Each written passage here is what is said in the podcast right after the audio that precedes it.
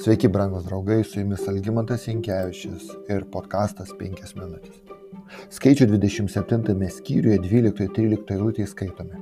Viešpas kalbėjo Mozė tardamas, užkopk į šį abarimų virtinės kalną ir pamatyk kraštą, kurį duodu izraelitams. Kai būsi jį pamatęs ir tu būsi paimtas pas savo giminę, kai buvo paimtas tavo brolis. Šis įsakymas reiškia, kad pasibaigė Mozės žemiškojo gyvenimo dienos ir kartu su tai pasibaigė tautos klajojimas dykumoje.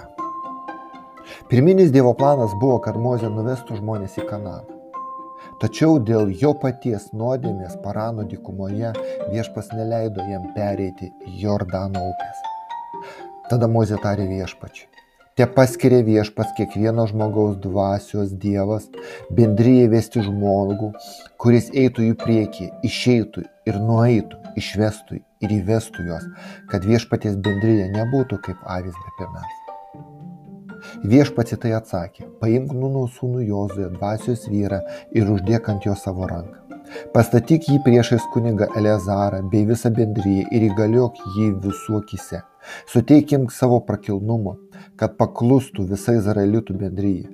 Jis remsis kunigo Lezaro, kuris urimais ieškos nuosprendžio jo labui viešpatės akivaizdoje. Jo įsakymui jie, jie išeis ir jų įsakymui jais, jis ir draugė su jais visi Izraelitai, visa bendryje. Mozė padarė, kaip viešpats jam įsakė. Paėmęs Jozuė liepė jiems stotis priešas kunigą Lazarą ir visą bendryją. Tada uždėjo ant jo rankas ir įgaliojo jį, kaip viešpats buvo per Mozę kalbėjęs. Skaičių 27 skyrius 16-23 eilutės.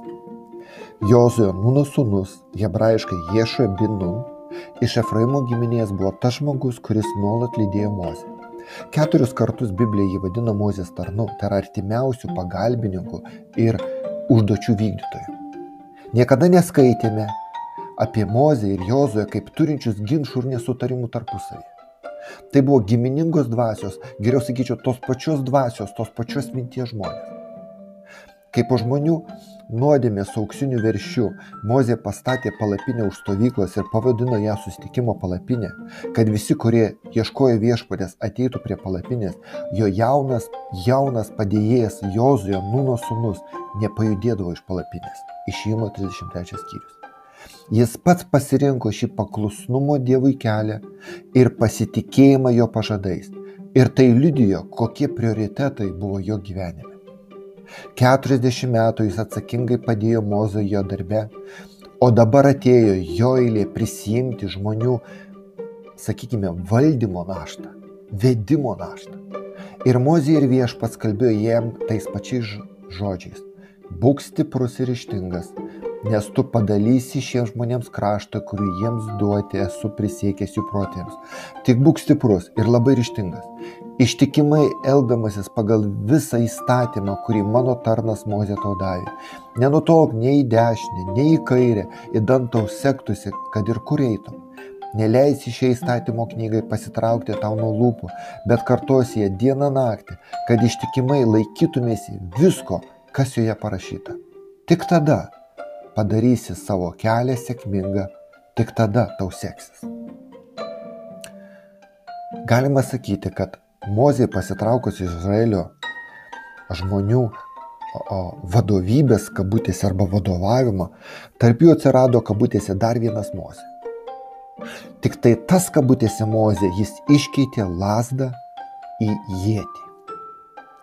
Gyvenime ir tarnystėje Jozo buvo visiškai atsidavęs viešpačiui ir jo įstatymą. Pradėjęs, pradėjęs Kanano užkariavimą jis gyveno dar 30 metų ir visą tą laiką buvo ištikimas, ištikimybės Dievui pavyzdys. Ir be negalingiausias dvasinės įtakos, kurie jų vadovas turėjo žmonėms įrodymas, buvo žodžiai parašyti pačioje šeštosios Biblijos knygos pabaigoje, Jozuės knygoje.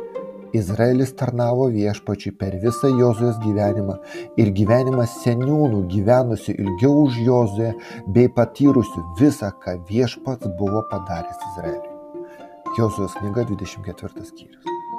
Brangus draugai, asmeniškai mane labai įkvėpė šio Dievo žmogaus pavyzdys. Pavadinčiau jį tikrai įtakingu asmeniu lyderiu, kaip dabar madinga sakyti, vis dėlto įtakingu asmeniu, nes viską, kas jam buvo įsakyta, jis realizavo ir ne tik savo asmeniniam gyvenime, bet ir kitų gyvenime. Savo pavyzdžių, būtent savo pavyzdžių, nes pirmiausia, jis tai taikė savo.